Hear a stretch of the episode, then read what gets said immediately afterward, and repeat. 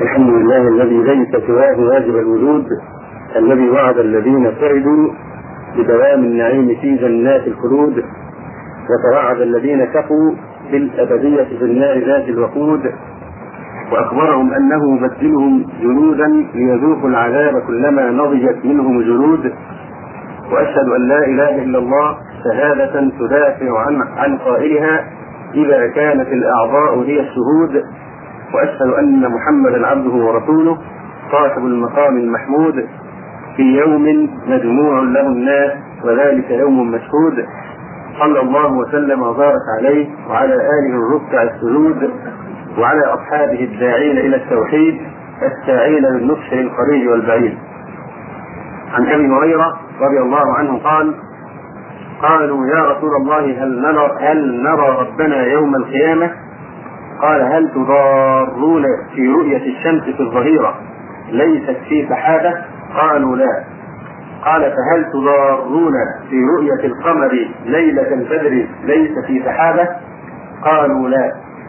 قال فوالذي نفسي بيده لا تضارون في رؤية ربكم إلا كما تضارون في رؤية أحدهما قال رسول الله صلى الله عليه وسلم فيلقى العبد ربه فيقول الله ألم أكرمك وأزوجك وأزوجك وأسخر لك الخيل والإبل وأمرك ترأس وترضع؟ فيقول بلى أي رب. فيقول أفظننت أنك ملاقي فيقول لا. فيقال إني أنساك كما نسيتني. ثم يلقى الثاني فيقول له مثل ذلك. ثم يلقى الثالث فيقول له مثل ذلك فيقول آمنت بك وبكتابك وبرسولك وصليت وصمت وتصدقت ويثني بخير ما استطاع فيقول ألا نبعث شاهدنا عليك؟ فيفكر في نفسه من الذي يشهد عليك؟ فيختم على فيه ويقال لفخذه انفقي فتنطق فخذه ولحمه وعظامه بعمله ما كان. وذلك ليعذر من نفسه. وذلك المنافق وذلك الذي يسقط عليه.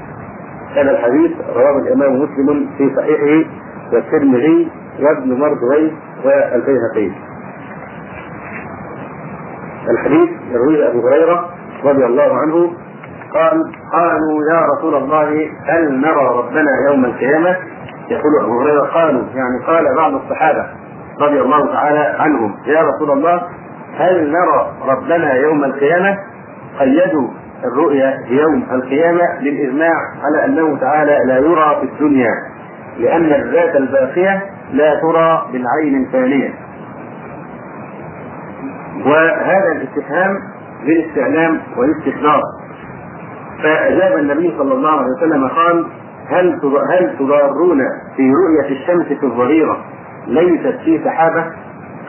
فقوله صلى الله عليه وسلم هل تضارون؟ يعني هل إذا اجتمعتم وأردتم أن تنظروا إلى الشمس هل يحصل لكم تزاحم وتنازع يتضرر به بعضكم من بعض من شدة الزحام حتى تتمكنوا من رؤية هذا الشمس هذه الشمس ليست دونها سحابة أم أن الرؤية تكون واضحة يستطيع الإنسان في أي مكان أن يراها دون أن يتزاحموا ويضر بعضهم بعضا.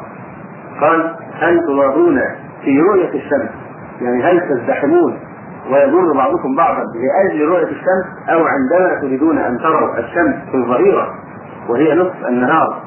ليست في سحابة يعني ليست في غيب تحجبها عنكم.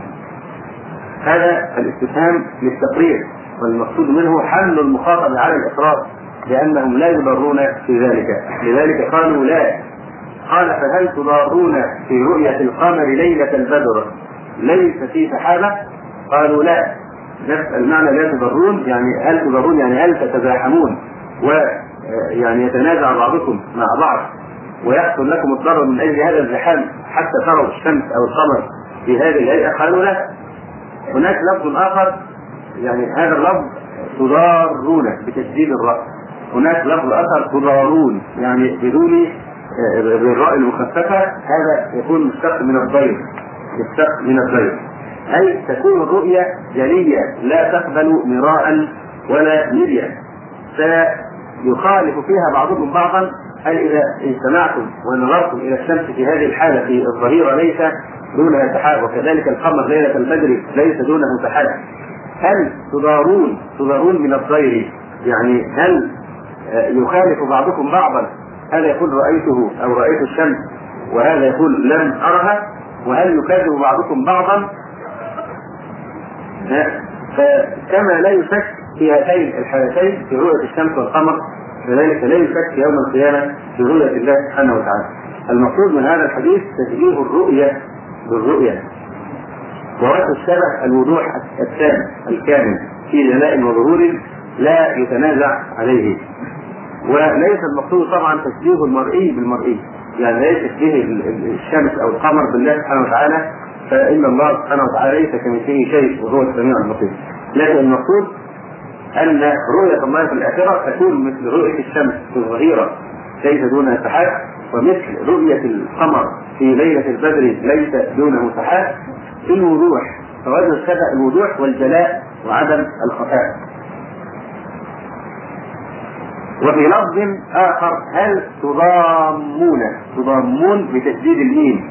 أي هل ينضم بعضكم إلى بعض في طلب الرؤية؟ في طلب رؤية القمر مثلا بإشكاله وخفائه كما تفعلون مثلا عند استطلاع الهلال كان عدد من الناس ينضم بعضهم إلى بعض. لماذا؟ لإشكال لاستشكال رؤية الهلال يعني في بداية مولده وخفائه. فلذلك يجتمعون حتى ينضم بعضهم إلى بعض في رؤيته. فالمقصود يعني أنتم حينما تريدون رؤية القمر ليله البدر ليس دونه سحاب السماء صافيه لا تحتاجون إلى أن ينضم بعضكم إلى بعض حتى تستوثقوا من هذه الرؤية. كذلك الشمس في وسط النهار. أو المقصود هل تضامون أي لا يضمكم شيء؟ يعني يحول دون رؤيته كبناء أو سقف. هل يكون هناك شيء يحول بينكم وبين رؤية الشمس أو القمر في هذه الآية؟ فالجواب لا. هذا على قراءة تضامون على لفظ تجديد الجيم. أما تخفيف الميم تضامون تضامون في الميم المخففة فهذه تكون من الضيم. أي لا ينالكم ضيم في رؤيته فيراه بعضكم ولا يراه البعض. بل أنتم تستوون في ذلك كله. فكل هذه الألفاظ المقصود منها تشبيه الرؤية بالرؤية في الوضوح والجلاء وعدم الخفاء ثم قال صلى الله عليه وسلم بعد أن يعني استقرارهم على هذا الأمر قال فوالذي نفسي بيده لا تضارون في رؤية ربكم إلا كما تضارون في رؤية أحدهما يعني في هذه الهيئة. كان الظاهر أن يقال لا تضارون في رؤية ربكم كما لا تضارون في رؤية أحدهما. ولكنه أخرج مخرج قول الشاعر ولا عيب فيهم غير أن سيوفهم بهن كلول من صراع الكتائب يقول يمدح قوما يقول يعني يمدح بصورة الذنب. هذا من المدح الذي ظاهره الذنب. لكنه في الحقيقة مدح عظيم. ولا عيب فيهم هؤلاء الناس ليس فيهم عيب غير عيب واحد. غير أن سيوفهم بهن كلول من صراع الكتائب. هو يريد أن يصفهم بالشجاعة لكن في صورة الايه أن هذا أخيه يعني أنه لا عيب فيهم. كذلك هنا فوالذي نفسي بيده لا تضارون في رؤية ربكم إلا كما تضارون في رؤية أحدكم. المقصود كما أنكم لا تضارون في رؤية أحدكما كذلك لا تضارون في رؤية الرب سبحانه وتعالى. ثم قال رسول الله صلى الله عليه وسلم فيلقى العبد ربه. فيقول الله ألم أكرمك وأسودك وأزوجك وأسخر لك الخيل والإبل وأذرك ترأس وتربع يقول الله ألم أكرمك يعني ألم أفضلك على سائر الحيوانات؟ وأسودك أي أجعلك رئيسا أو رأسا لقومك. وأزوجك يعني امرأة من جنسك وأمكنك منها وجعلت بينك وبينها مودة ورحمة وألفة وسكينة. وأسخر لك الخيل والإبل يعني أذللها لك. الخيل والإبل خط الخيل والإبل بالذكر لأنهما أصعب الحيوانات.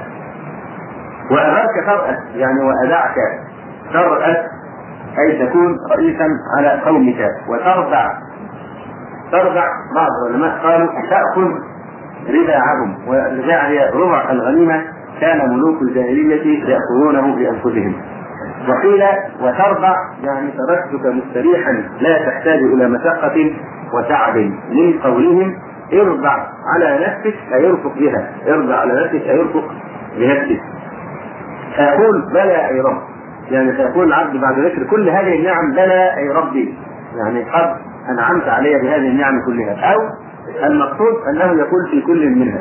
فيقول بلى يا ربي في الكل أو في كل يعني عند ذكر كل كل نعمة يقول بلى يا ربي يقول الله له مثلا ألم اكرمت يقول بلى يا رب واسويت يقول بلى يا رب وازوجت إلى آخره. أو المقصود بعدما يذكر الله كل هذه النعم يجيبه هذا العبد قائلا بلى يا ربي فيقول أفظننت أنك ملاقي؟ يعني أفعلمت أنك ملاقي؟ فيقول لا. فيقال إني أنساك كما نسيتني. إني أنساك كما نسيتني. المقصود هنا أنساك أي أتركك من رحمته المقصود هنا النسيان أن يتركه الله سبحانه وتعالى من رحمته. كما نسيتني يعني كما نسيتني في الدنيا من طاعتي. بعض العلماء قال إن هذا من المشاكله المشاكله هذا ضرب من ضروب البلاغة.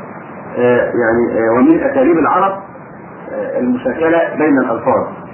فيؤدى لفظ بغير معناه الموضوع له مشاكلة للفظ آخر مقترن به في الكلام. مثل قول الشاعر قال اقترح لنا قال اقترح شيئا يجد لك فقهه قلت اطبخوا اطبخوا لي جبة وقميصا. قال اقترح شيئا يجد لك فقهه قالوا يعني عرضوا عليه أن يقترح لهم شيء طعام يجيد له الطبخ فأجابهم قائلا قلت اطبخوا أو اطبخوا لي جبة وقميصا المقصود خيطوا لي لأن الجبه والقميص لا تطبخ. لكن لما حصل احترام يعني في كلمة قال شيئا يوجد لك فقهه لما ذكر الطبخ في نفس السياق اوجد نوع من المشاكلة. فاستعمل الكلمة في غير معناها. قلت اطبخوا لي جبة أو جبة وقميصا يعني خيطوا لي خيطوا لي جبة وقميصا. واضح؟ فاستعمل كلمة اطبخوا مكان كلمة إيه؟ خيطوا لماذا؟ لوجود المشاكلة حينما اقترن هذا بكلمة يوجد لك فقهه لذلك شاكلها بكلمة من نفس لفظها. يقول جرير هذه الأرامل قد قضيت حاجتها. فمن لحاجة هذا الأرمل الذكري؟ يعني هذا عن القول بأن الأرامل في اللغة العربية لا تطلق إلا على الإناث الرجل لا يسمى أرمل فهنا أيضا استعمل المساكنة. بناء على أن الأرمل لا تطلق إلا على المرأة. يقول جرير هذه الأرامل قد قضيت حاجتها. فمن لحاجة هذا الأرمل الذكري؟ فهذا أيضا من المساكنة. وجدت هذه المساكنة في كثير من آيات القرآن. قيل في هذا الحديث إني أنساك كما نسيتني. فهذه من المساكنة مثال ذلك أيضا قوله سبحانه وتعالى فمن اعتدى عليكم فاعتدوا عليه بمثل ما اعتدى عليكم. فمن اعتدى عليكم هذا عدوان في الحقيقة. لكن هل مقابلة العدوان بمثله يسمى عدوانا؟ في الحقيقة ليس عدوان لكن هذا انتصار أو يعني عقوبة عادلة. لكن سماه سبحانه وتعالى فاعتدوا عليه بمثل ما اعتدى عليكم وان كان هذا ليس من العدوان لكنها المشاكلة. اقترن اللفظان في نص واحد فوضع كلمة اعتدوا في غير ما وضعت له لهذه المشاكلة. مثلا قوله سبحانه وتعالى وجزاء سيئة سيئة مثلها في الحقيقة إن السيئة التي يعني يفعلها الإنسان على وجه المقابلة بالمثل هذا من العدل ومن الانتصار من الظالم. واضح لكن لأجل اقترانهما في النص جرت هذه المشاكلة بدون أن يقصد بها أنها سيئة. وجزاء سيئة سيئة مثل هذه في الحقيقة حسنة وليست سيئة. أن تعامل الظالم الظالم بما يستحقه. واضح؟ نعم. من ذلك أيضا قوله سبحانه وتعالى وإن عاقبتم فعاقبوا بمثل ما عوقبتم به. بمثل ما عوقبتم به. هل ما عوقبتم به يسمى عقوبة؟ لا هذه سيئة. بدأ الإنسان بأذيتك. فإن أردت أن تعاقبه فعاقبه بمثل ما أساء إليه فسمى هذه الإساءة عقوبة. من باب المشاكلة أيضا. مثال ذلك قوله سبحانه وتعالى ذلك ومن عاقب بمثل ما عوقب به. ثم بغي عليه لينصرنه الله. بمثل ما عوقب به يعني بمثل ما أسيء إليه. ابتداء وليس مقابلة. وهذا أيضا من باب المساكله. المقصود أن قوله سبحانه وتعالى حينما يسأل العبد افظننت أنك ملاقي فيقول لا. فيقول إني أنساك كما نسيتني. هذه من المساكله والمقصود إني أنساك يعني أتركك من رحمتي كما نسيتني يعني كما نسيتني في الدنيا من طاعتي. ثم يلقى الثاني يلقى رجلا ثانيا. فيقول له مثل ذلك. يعني من سؤال الله سبحانه وتعالى له ويجيب الثاني بنفس هذا الجواب. ثم يلقى الثالث شخص ثالث. من الناس آه، يسأل يوم القيامة. فيقول له مثل ذلك. فيقول آمنت بك وبكتابك وبرسولك وصليت وصمت وتصدقت. ويثني بخير ما استطاع. يعني يمدح نفسه نفسه بما استطاع من الخير. فيقول أي يقول الرب سبحانه وتعالى ألا نبعث شاهدنا عليك أنت تدعي هذه الدعوة وتنكر. والله ربنا ما كنا مشركين ما كنا نعمل من سوء. ويحلفون على ذلك. فيقول الله سبحانه وتعالى ألا نبعث شاهدنا عليك فيفكر في نفسه فيفكر هذا العبد الكذاب في نفسه ويقول من الذي يشهد عليه؟ فيختم على فيه يختم الله سبحانه وتعالى على فمه ويقال لفخذه امسكي فتنطق فخذه ولحمه وعظامه بعمله ما كان. تنطق فخذه ولحمه وعظامه يعني العظام المتعلقة بالفخذ بعمله ما كان. وذلك ليعذر من نفسه وذلك ليعذر من نفسه. المقصود ليعذر هذا من الاعراض يعني ليزيل الله عذره من قبل نفسه بكثرة ذنوبه وشهادة أعضائه عليه. بحيث لم يبق له عذر يتمسك به بعد شهادة أعضائه وذلك ليعذر من نفسه. وذلك المنافق يعني ذلك الرجل الثالث الذي يقول ثم وصليت واتصدقت وكذا. لا يقول كما قال الأول والثاني. يعني فظننت أنك منافق فيقول لا. أما هذا المنافق فيدعي ويزعم أنه صام وصلى وأطاع الله سبحانه وتعالى. فهذا يقول فيه الرسول عليه الصلاة والسلام وذلك المنافق وذلك الذي يسخط عليه أي يغضب عليه. هذا الحديث كما ذكرنا رواه مسلم والترمذي وابن مردويه والبيهقي. هناك حديث في نفس هذا المعنى أو قريب منه يبين أن هذا الحوار الذي يجري بين العبد وبين ربه يوم القيامة كان موضع عجب واستغراب من رسول الله صلى الله عليه وسلم حتى أضحك هذا الموقف رسول الله صلى الله عليه وآله وسلم. ففي الحديث الذي يرويه مسلم عن أنس بن مالك رضي الله عنه قال كنا عند رسول الله صلى الله عليه وسلم فضحك قال هل تدرون مما أضحك؟ قال كنا الله ورسوله أعلم قال من مخاطبة العبد ربه يقول يا رب ألم تجرني من الظلم؟ قال يقول بلى. قال فيقول فإني لا أريد على نفسي إلا شاهدا مني. قال فيقول كفى بنفسك اليوم عليك شهيدا. وللكرام الكاتبين شهودا. ثم يختم على فيه فيقال لأركان امسكي قال فتنطق بأعماله. قال ثم يخلى بينه وبين الكلام. قال فيقول بعدا لكن وشقا فعن كن كنت أناضل. هذا الحديث يعني رواه الإمام مسلم كما بينا وفيه أن النبي صلى الله عليه وآله وسلم كان جالسا مع أصحابه رضي الله عنهم فضحك هذا فيه إيماء إلى أنه لا ينبغي للإنسان أن يضحك إلا لأمر غريب أو لحكم عجيب. فلهذا الحكم العجيب ضحك النبي صلى الله عليه وآله وسلم. فقال هل تدرون مما أضحك؟ قال قلنا الله ورسوله أعلم. قال من مخاطبة العبد ربه؟ يقول يا ربي ألم تجرني من الظلم؟ يعني ألم تؤمنني من الظلم بقولك إن الله لا يظلم مثقال ذرة؟ يا عبادي إني حرمت الظلم على نفسي. إلى ما شكل ذلك من الآيات. وقوله سبحانه وتعالى وما ربك بظلام للعبيد. فيقول العبد يا رب ألم تجرني من الظلم؟ قال يقول بلى. يعني بلى أجرتك من الظلم. قال فيقول فإني لا أجيز على نفسي. يعني لا أقبل ولا أزوج شهادة أحد غيري علي. لا أقبل إلا شهادة نفسي. فيقول فإني لا اريد على نفسي إلا شاهدا مني. أي من جنسي. يقصد أو يوجع. هذا العبد الظالم.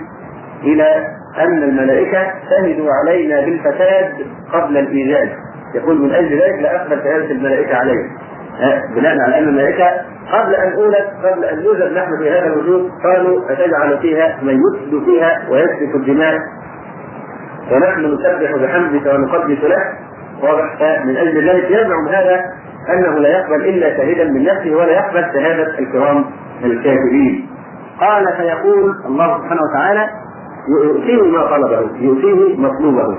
فيقول كفى بنفسك اليوم عليك شهيدا سوف اجعلك تشهد على نفسك.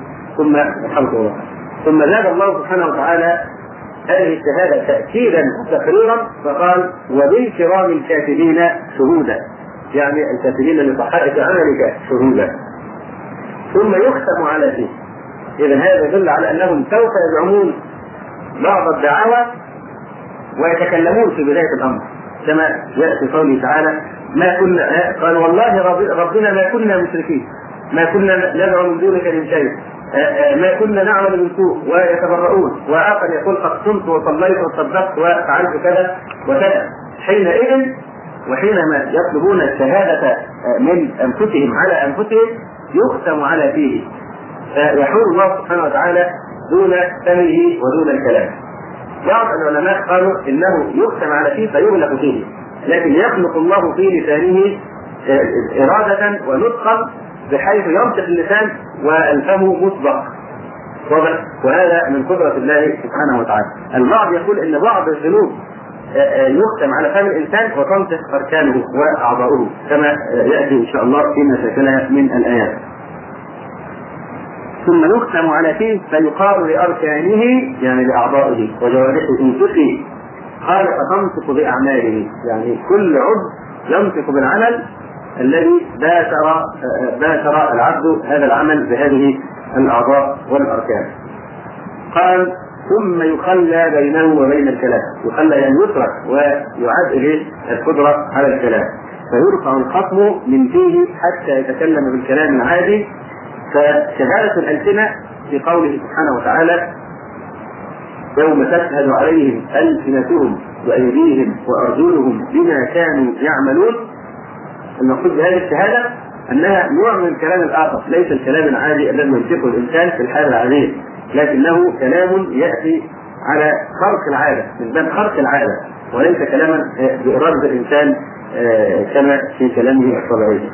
حينئذ حينما تعاد إليه القدرة على النطق ويرفع الختم من على فيه يقول بعدا لكن وسحقا أي هلاكا لهن لكن ايتها الاعضاء بعدا لكن وسحقا فعن كن كنت أناضل. عن كن يعني من جهتكن ولأجل خلاصكن من العذاب كنت أناضل أي أجادل وأقاتل وأدافع.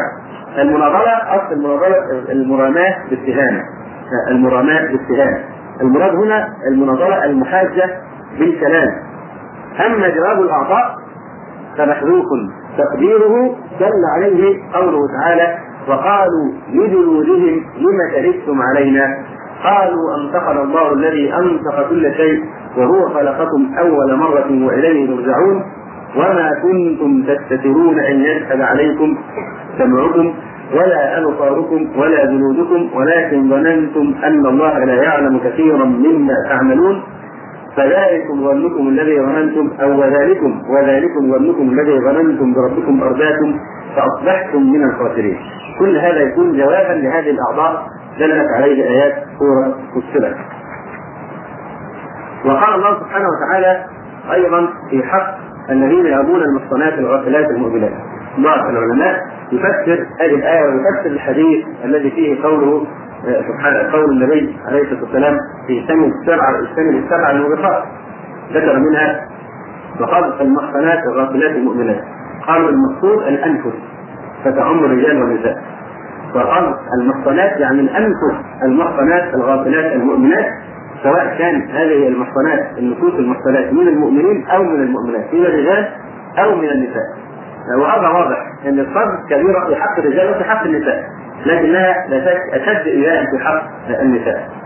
قال الله سبحانه وتعالى في حق هؤلاء الذين يرمون المحصنات الغافلات المؤمنات ذكر أنهم لعنوا في الدنيا والآخرة ولهم عذاب عظيم. ثم قال سبحانه وتعالى يوم تشهد عليهم ألسنتهم وأيديهم وأرجلهم بما كانوا يعملون.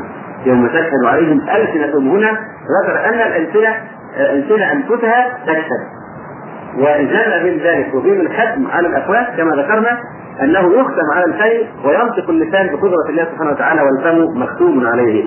فيشهد بما عمله الإنسان خاصة في في, في هذه السوره سوره النور لأن السياق في إنكار أو في الإنكار على من افترى حديث الاسم من أجل ذلك كان مناسبا أن تنطق ألسنتهم التي باشرت يعني وتداولت حديث الإفك وقالت فيه. يوم تشهد عليهم ألسنتهم وأيديهم وأرجلهم بما كانوا يعملون.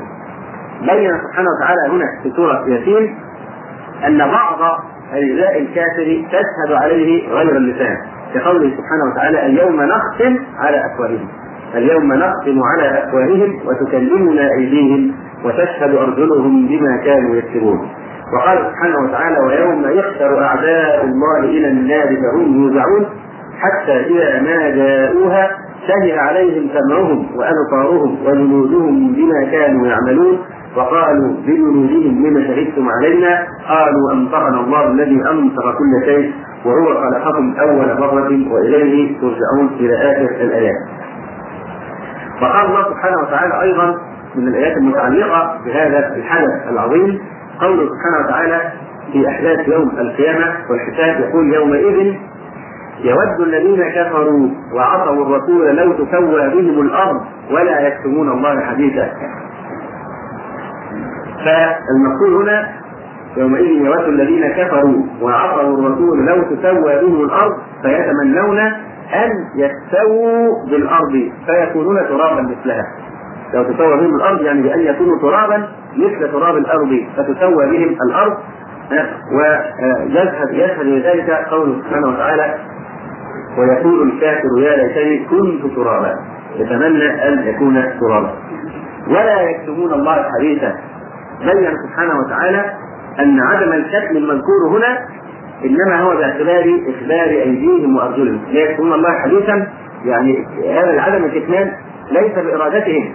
ليس كلاما عاديا منهم لكنهم لا يكتمون الله حديثا المقصود بها ما أتى في سورة ياسين وسورة النور وسورة الصلاه أن أعضاءهم تنطق وتعترف بكل حديث أو بكل فعل أو ذنب قد اخترقوه في الدنيا ولا يكتمون الله حديثا رغما عنهم بقدرة يخلقها يخلقها الله سبحانه وتعالى في أعضائهم فتفرح وتبشي ويتضح أمرهم على رؤوس الخلائق وبينهم وبين الله سبحانه وتعالى. فالمقصود أن عدم الكتم المذكور هنا إنما هو باعتبار إخبار أيديهم وأرجلهم بكل ما عملوا. متى؟ عند الختم على أفواههم حينئذ يتكلمون بقدرة الله وتتكلم جوارحهم ولا يكتمون الله حديثا. فهم إذا أنكروا شركهم ومعاصيهم وقالوا والله رب والله ما كنا ما كنا نعمل من سوء والله ربنا ما كنا مشركين. لو يقول المنافق صمت وصليت وتصدقت وفعلت وفعلت حينئذ يختم الله على أفواههم وتنطق جوارحهم يقول سبحانه وتعالى اليوم نختم على أفواههم وتكلمنا أيديهم وتشهد أرجلهم بما كانوا يكسبون. فإذا لا يتنافى قول الله سبحانه وتعالى ولا يكتبون الله حديثا مع قوله عز وجل حاكيا عن المشركين أنهم يقولون والله ربنا ما كنا مشركين. والله ربنا ما كنا مشركين هذا في بداية الحساب. يحلفون ويتبرؤون من أفعالهم. كذلك قولهم ما كنا نعمل من سوء. وقولهم بل لم نكن ندعو من قبل شيئا. هذا اولا. حينئذ يختم الله على افواههم ثم لا يكتبون الله حديثا. يعني على هذا الوجه الذي زوجناه من لبس الأعضاء والجوارح.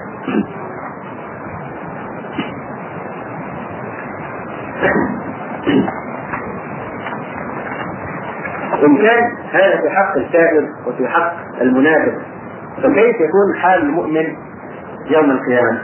هل يكون نفس هذا الأمر بالنسبة للمؤمن؟ عن عبد الله بن عمر رضي الله تعالى عنهما قال سمعت رسول الله صلى الله عليه وسلم يقول إن الله يذلي المؤمن يقرب المؤمن يوم القيامة فيضع عليه كنفه ويستره ثم يقول له أتعرف ذنب كذا؟ أتعرف ذنب كذا؟ يذكر الله سبحانه وتعالى يذكر المؤمن بكل ذنب اقترفه في الدنيا. أتعرف ذنب كذا؟ تذكر يوم كذا.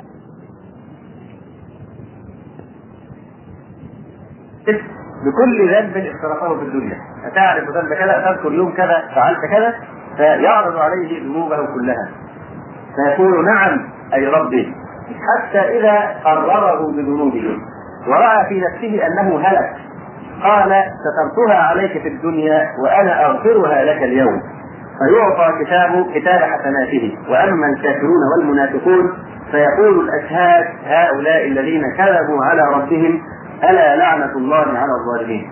قول النبي صلى الله عليه وسلم إن الله يبني المؤمن ويضع عليه كنفه أي ستره ولطفه وإكرامه فيخاطبه الله خطاب ملاقفة ويناجيه مناجاة المصافاة والمحادثة. فيقول له هل تعرف؟ يقول المؤمن ربي أعرف. يقر ويعترف ولا يكذب كما يفعل الآخرون. فيقول الله ممتنا عليه ومظهرا فضله لديه فإني قد سترتها عليك في الدنيا أي فلم أفضحك بها بهذه الذنوب فيها وأنا أغفرها لك اليوم. وأنا أغفرها لك اليوم. المقصود أن الله سبحانه وتعالى يعني فليبشر كل مؤمن أو مسلم ضرب الله يوما بالمعصية وستر الله عليه. إذا كان الله ستر عليه في الدنيا فليبشر بأنه سوف يستر عليه في الآخرة أيضا. واضح؟ ف يعني الله سبحانه وتعالى كثير يحب الستر كما جاء في الحديث الصحيح. إن الله حي في كثير يحب الستر ويحب الحياة سبحانه وتعالى. فمتى ما ابتلي العبد بذنب فلا ينبغي ابدا أن يجهر به في الناس. فيقول النبي صلى الله عليه وسلم كل أمتي معافى إلا المجاهرون إلا المجاهرون. وصف هؤلاء المجاهرين بأنه الشخص الذي يعني يبيت وقد عمل معصية من المعاصي ثم يصبح وقد ستر الله عليه. فيقول قد فعلت وقد فعلت. اذا الجهل بهذه المعاصي التي ستر الله عليه هذه من الكبائر. هذه من الكبائر هذه من الذنوب. فما أعظم رحمة الله سبحانه وتعالى بنا؟ فالله يحب الستر وبالمناسبة ننبه لامر من الأمور المهمة جدا إن عدم الستر في حكاية الفواحش والحوادث وهذه الأشياء هذا يدخل في الوعيد الوارد في قوله سبحانه وتعالى إن الذين يحبون أن تشيع الفاحشة في الذين آمنوا لهم عذاب أليم في الدنيا والآخرة. محبه اشاعه الفاحشة بأن تنشر وتحكى نجد كثيرا من الناس حتى من الملتزمين بدينهم. يتهاونون في هذا الأمر. يسمع عن حادثة أي نوع من الحوادث سواء القتل الفواحش الزنا الخمر أي نوع من الحوادث التي تجري. فيحكي يقول حدث كذا وكذا فلان فعل كذا وكذا هذا يدخل في هذه الآية. إن الذين يحبون أن تشيع الفاحشة فالإنسان إذا سمع بشيء من هذا لا ينشره ولا يحكيه ابدا بل يستر حتى لا يعني تتعود القلوب على سماع المنكرات وبالتالي يموت استقباح يعني هذه المنكرات من قلبه فلا شك إن الصحائف أو الصحف والمجلات التي قد خططت يعني صفحات طويلة وعريضة للكلام في في اشاعه الفاحشه هذا من من الكبائر التي حرمها الله سبحانه وتعالى. أن يحكى وتنشر الفواحش فلان فعل وفلان فعل والنساء التي تقتل أزواجها وأشياء تؤذي مشاعر أي إنسان حتى لو غير مسلم. فهذا من إشاعة الفاحشة. الإنسان لا يحكي ابدا. ومتى ما شعر بأن مسلما ارتكب ذنبا يستر عليه. فإن الله سبحانه وتعالى كثير يحب الستر. بعض الناس يظنون أن هذا من إنكار المنكر بل هذا من إشاعة الفاحشة. وهك ستر المسلم. يقول النبي صلى الله عليه وسلم من ستر مسلما ستره الله في الدنيا والآخرة. من ستر مسلما ستر الله في الدنيا والآخرة. يعني هذه يعني الشيء يركز بالشيء وإن كنا خرجنا عن موضوعنا الأصلي لكن للحاجة إلى هذا التنبيه.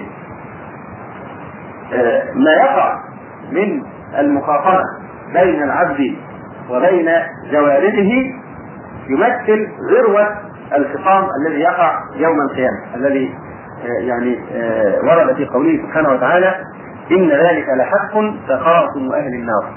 إن ذلك لحق تخاصم أهل النار. فمخاطرة الإنسان بينه وبين يعني الإنسان نفسه مع أعضائه وجوارحه هذه المناظرة والمخاصمة التي تجري بين الإنسان وبين جوارحه هذه قمة الخصومة أو الخصومات أو التخاصم الذي يجري في حق أهل النار يوم القيامة. هل هناك تخاصم آخر يقع من أهل النار يوم القيامة؟ نعم فحينما يعامل أعداء الله الكفرة ما أعد لهم من العذاب وما هم فيه من الاهوال يمقتون أنفسهم أول شيء أنهم يمقتون يكرهون أنفسهم كما يمقتون أحبابهم وخلانهم في الحياة الدنيا بل كل محبة لم تقم على أساس من الإيمان تنقلب في ذلك الوقت إلى عداء. قال الله سبحانه وتعالى: الأخلاء يومئذ الأخلاء يومئذ بعضهم لبعض عدو إلا المتقين. كل المواد التي كانت وقال إنما اتخذتم من دون الله أوثانا مودة بينكم في الحياة الدنيا. ثم يوم القيامة يكفر بعضكم ببعض ويلعن بعضكم بعضا ومأواكم النار وما لكم من ناصرين. فعندئذ حينما ينادون لمقت الله أكبر من مقتكم أنفسكم إن تدعون إلى الإيمان فتكفرون. حينئذ يخاصم أهل النار بعضهم بعضا ويحاد بعضهم بعضا. فيقع كثير من التخاصم كثير من الخطاب والجدال بين أهل النار فيخاطب العابدون المعبودين ويخاطب الأتباع السادة المتبوعين ويخاطب الضعفاء المتكبرين ويخاطب الإنسان قرينه ويخاطب الكافر أعضاءه بل تخاطب الروح البدن ويمقتون أنفسهم ويمقتون أنصارهم. عندما يعني تقع هذه الخصومات كما ذكرنا أول صورة من صور المقاومة مقاومة العابدين والمعبودين. يقول الله سبحانه وتعالى: وبرزت الجحيم للغاوين وقيل لهم أين ما كنتم تعبدون من دون الله؟ هل ينصرونكم أو ينتصرون فتبسموا فيها هم والغاوون وجنود إبليس أجمعون. قالوا وهم فيها يختصمون. تالله إن كنا لفي ضلال مبين إذ نسويكم برب العالمين وما أضلنا إلا المجرمون. يخاطبون آلهتهم التي كانوا يعبدونها في الدنيا معترفين بضلالهم إذ كانوا يعبدونها وكانوا يسوون بينها وبين الخالق سبحانه وتعالى. وقد قال وخطب كل من يرفع المخلوق إلى رتبة الخالق وكل من عبد من دون الله سبحانه وتعالى آلهة فقد سوى بين الخالق والمخلوق. كل من اتخذ إلها من الآلهة الباطلة دون الله فقد عدل بين الله وبين خلقه في هذه العبادة. وهذا هو عين الظلم العظيم كما قال لقمان لابنه وهو يعظه يا بني لا تشرك بالله إن الشرك لظلم عظيم. هذا في حق الآلهة الباطلة الآلهة المناظرة أو الخصام الذي يحصل بين العابدين.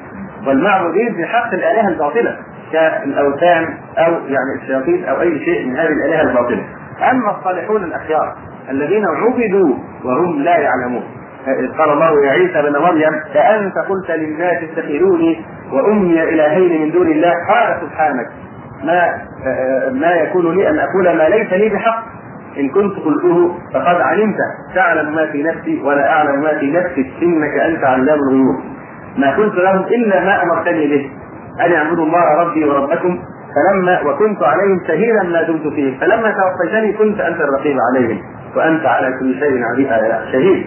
المقصود أن ليس فقط المسيح الذي عبد ولا عزيز ولا الأولياء والصالحون بل عبد نبينا محمد صلى الله عليه وسلم وهو لا يرضى بهذا الكفر وبهذا الشرك. كثير من المسلمين أشركوا وعبدوا رسول الله الذي أتى ليدلنا على الطريق إلى الله فعبده بعض الناس الذين ينتسبون إلى الإسلام كما يقول بعض الناس في مدح النبي صلى الله عليه وسلم المدح المحرور والإقراء المنهي عنه قائلا فإن من جودك الدنيا وضرتها ومن علومك علم اللوح والقلم. فهذا مدح لا يرضاه رسول الله صلى الله عليه وآله وسلم. فكل من عبد بغير رضاه كالملائكة كالصالحين كالأنبياء فإنهم يتبرؤون من عابديهم ويكذبون زعم هؤلاء العابدين وافتراءهم. الملائكة ما طلبت هذه العبادة ولا رضيت بها. الذين طلبوا هذه العبادة هم الجن كي يضلوا البشر ويوبقوهم.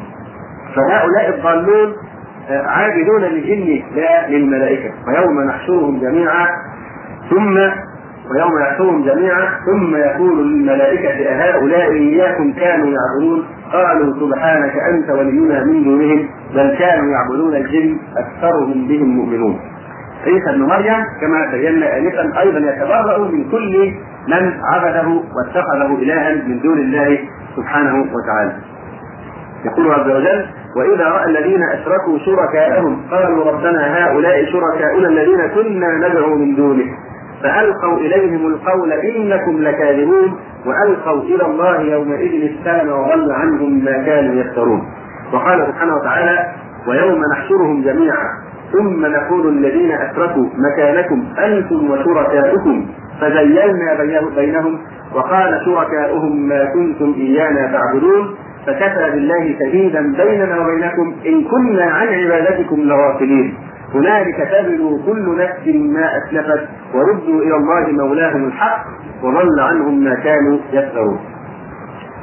تخاصم أهل النار هناك أنواع أخرى من التخاصم تقع كما بينا وهو تخاصم الاتباع مع قادة الضلال من أصحاب الفكر والنظريات والفلسفات والضالة وأصحاب كل مبدأ يناقض دين الإسلام. هؤلاء ذكرهم الله سبحانه وتعالى وتخاصم هؤلاء الاتباع والمتبوعين المدارس الفكرية والفلسفات وهذه الأشياء التي فرحوا بها فرحوا بها واغتروا وهم في غفلة عن دين الإسلام وأن هذه الأشياء تهدم دين الإسلام وتناقضه. يقول الله سبحانه وتعالى فإنما هي زجره واحدة فإذا هم ينظرون وقالوا يا ويلنا هذا يوم الدين هذا يوم الفصل الذي كنتم به تكذبون واحشروا الذين ظلموا وأزواجهم وما كانوا يعبدون من دون الله فاهدوهم إلى صراط الجحيم وقفوهم إنهم مسؤولون. ما لكم لا تناصرون بل هم اليوم مستسلمون وأقبل بعضهم على بعض يتساءلون. قالوا إنكم كنتم تأتوننا عن اليمين عن القوة. قالوا بل لم تكونوا مؤمنين. وما كان لنا عليكم من سلطان بل كنتم قوما طاغين. فحق علينا قول ربنا إنا لذائقون فأغويناكم إنا كنا غاوين فإنهم يومئذ في العذاب مشتركون إنا كذلك نفعل بالمجرمين إنهم كانوا إذا قيل لهم لا إله إلا الله يستكبرون. إذا دعوا إلى عبادة الله وحده إلى التمسك بدينه وحده والإعراض عما خالفه من الأديان أو الفلسفات أو النظريات أو المبادئ الهدامه لدين الله يستكبرون. عن الامتياز بطاعه الله سبحانه وتعالى ويفرح بعضهم ببعض ويعني يظنون أنهم على شيء. فهذا تلاوم الملاومة والعتاب الشديد والندم بين أهل النار في عرفات القيامة، الأتباع يقولون لقادة الضلال أنتم الذين كنتم تزينون لنا هذا الباطل. أنتم كنتم تغروننا بمخالفة الحق كما قال تعالى والذين كفروا أولياؤهم الطاغوت يخرجونهم من النور إلى الظلمات كل من حرف الناس عن عن نور الوحي وعن دين الإسلام إلى هذه الظلمات فهو طاغوت طغى وتجبر وزاد عن حده بأن رفع نفسه إلى مطار يعني الألوهية إلى صف الألوهية ونازع الله سبحانه وتعالى في أسمائه وصفاته سبحانه وتعالى. لكن يعني قادة القادة ورجال الفكر والزعماء يرفضون هذا حينما يقولون لهم أنتم الذين أضللتمونا أنتم الذين اغويتمونا أنتم الذين قلتم لنا يعني ما اريكم إلا ما أرى وما أهديكم إلا سبيل رشاد فحينئذ يردون عليهم هؤلاء الزعماء يقولون أنتم تتحملون نتيجة أعمالكم. فقد اخترتم الكفر ولم يكن لنا من سلطان عليكم. إن طغيانكم واستكباركم هو الذي أوصلكم إلى هذه النهاية. نمضي ونبين المزيد من التخاصم الذي يقع من أهل النار يوم القيامة يحصل تخاصم الضعفاء للسادة من الملوك والأمراء وشيوخ العشائر أو القبائل الذين كانوا يتسلطون على العبادة ويشد الضعفاء أجرهم الضعفاء اللي بيقولوا إيه؟ كل ما تجد واحد من الظالمين يقول لك أنا عبد المامور حتى ما يستحي من الكلمة. يقول أنا عبد المامور هذا يعني أنا مجبر على هذا النوع من الظلم. الإمام أحمد رحمه الله تعالى لما يعني سجانه الشخص الذي كان سجانا له في سجنه. قال له يوما أنا من أعوان الظلمة؟ قال لا أنت من الظلم أو أنت من الظالمين. أو كما قال رحمه الله تعالى. فكل إنسان يرتكب نوع من الظلم الآن يقول أنا عبد المامور ويعترف بهذه العبودية لهؤلاء المعبودين. ويظن أن هذا مبرر وأن هذا يسوغ له يعني ظلمه للناس وإعراضه عن الحق. فهؤلاء هم الضعفاء وهؤلاء القادة أو الزعماء أو الرتب كل هؤلاء هم الساده المستكبرون الذين يتسلطون على العباد.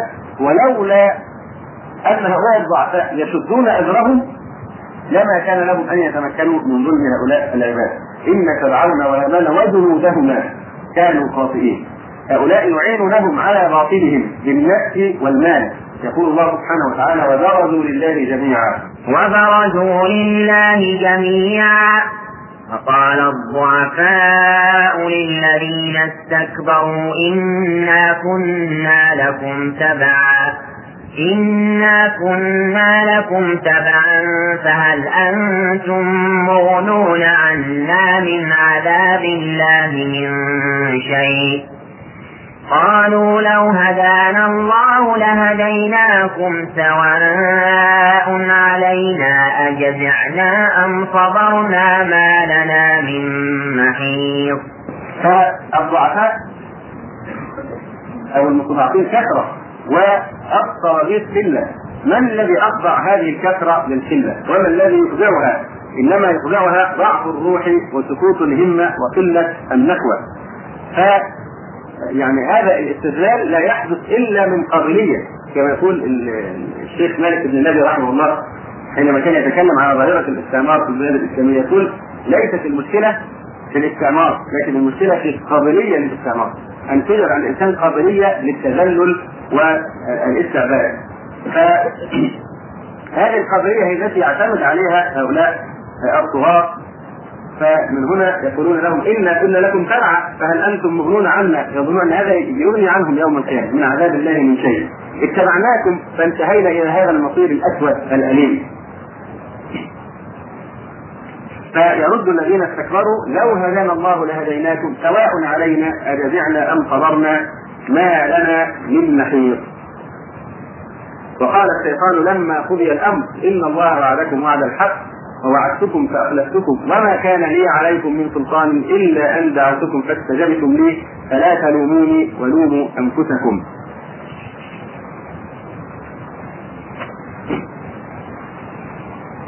في موضع آخر يذكر الله سبحانه وتعالى تخاصم السادة المتكبرين والمستضعفين أيضا فيقول وإذ يتحاجون في النار فيقول الذين فيقول الضعفاء للذين استكبروا إنا كنا لكم تبعا. فهل أنتم مغنون عنا نصيبا من النار؟ قال الذين استكبروا إنا كل فيها. إن الله قد حكم بين العباد. إن الله قد حكم بين العباد. ويقول الله سبحانه وتعالى أيضا وقال الذين كفروا للذين آمنوا اتبعوا سبيلنا ولنحمل خطاياكم. ما أكثر أيضا ما يقول الناس هذا في هذا الزمان. يخالفه في شيء من الشرع مثلا يقول لك يقول مثلا المرأة من اخلاء الحجاب والذنب عليه. افعل كذا والآن أتحمل الإثم. هذا نفس الشيء الذي حكاه الله عن هؤلاء الهالكين وقال الذين كفروا للذين آمنوا اتبعوا سبيلنا ولنحمل خطاياكم. وما هم بحاملين من خطاياهم من شيء إنهم لكاذبون.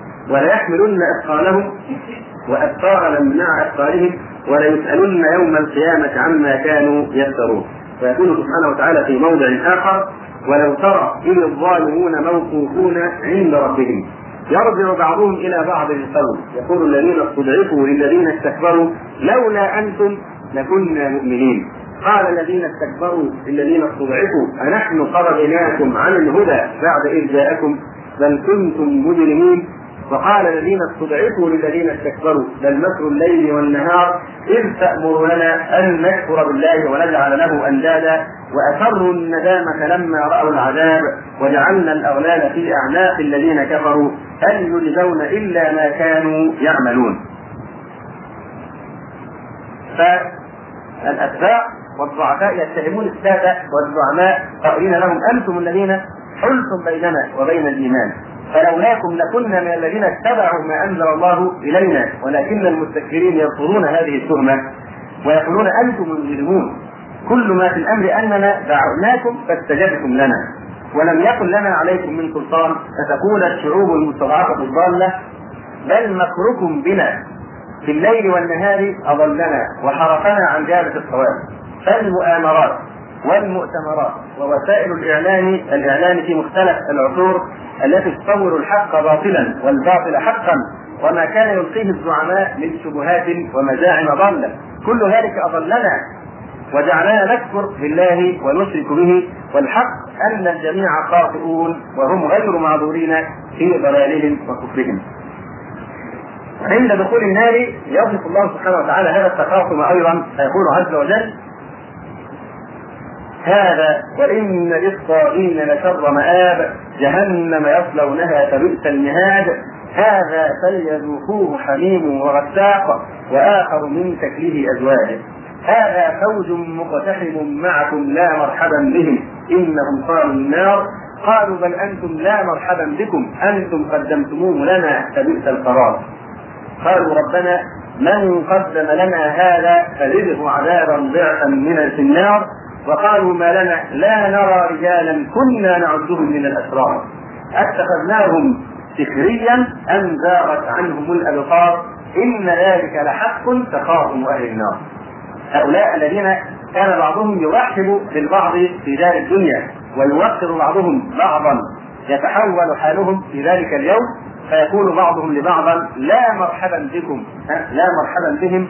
إنهم قالوا النار قالوا بل أنتم لا مرحبا بكم.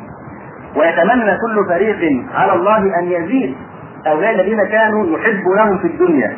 يزيدهم من العذاب والالام فيدعو كل فريق على الآخر ربنا من قدم لنا هذا فزده عذابا ضعفا في النار. إن هذا التخاصم بين أهل النار حق كائن لا شك في ذلك. هذا قول الله سبحانه وتعالى وهذا حكم الله سبحانه وتعالى. من الخصام الذي يقع ومن التخاصم الذي يتم بين أهل النار الخصام بين الكافر وبين قرينه من الجن بين الشيطان. يقول الله سبحانه وتعالى وقال قرينه هذا ما لدي عتيد. ألقيا في جهنم كل كفار عنيد. مناع للخير معتد مريب. الذي جعل مع الله إلها آخر فألقياه في العذاب الشديد. قال قرينه ربنا ما أطغيته ولكن كان في ضلال بعيد. قال لا تختصموا لدي وقد قدمت إليكم بالوعيد ما يبدل القول لدي وما أنا بظلام للعبيد كما ذكرنا من قبل أشد الخصومة حينما تبلغ هذا التخاصم ذروته حينما يتخاصم الإنسان مع أعضائه ويكون هو شهيدا على نفسه وهذا ما بيناه من قبل. أيضا يروى عن ابن عباس رضي الله عنهما أن هناك تخاصم يكون يكون بين البدن وبين الروح. يقول ابن عباس يختصم الناس يوم القيامة. حتى تختصم الروح مع الجسد. فتقول الروح للجسد أنت فعلت. ويقول الجسد للروح أنت أمرت وأنت سولت. فيبعث الله ملكا يفصل بينهما. فيقول لهما إن مثلكما. إن مثلكما يعني الروح والجسد. كمثل رجل مقعد بصير. لا يستطيع المشي لأنه مقعد لكنه بصير يرى.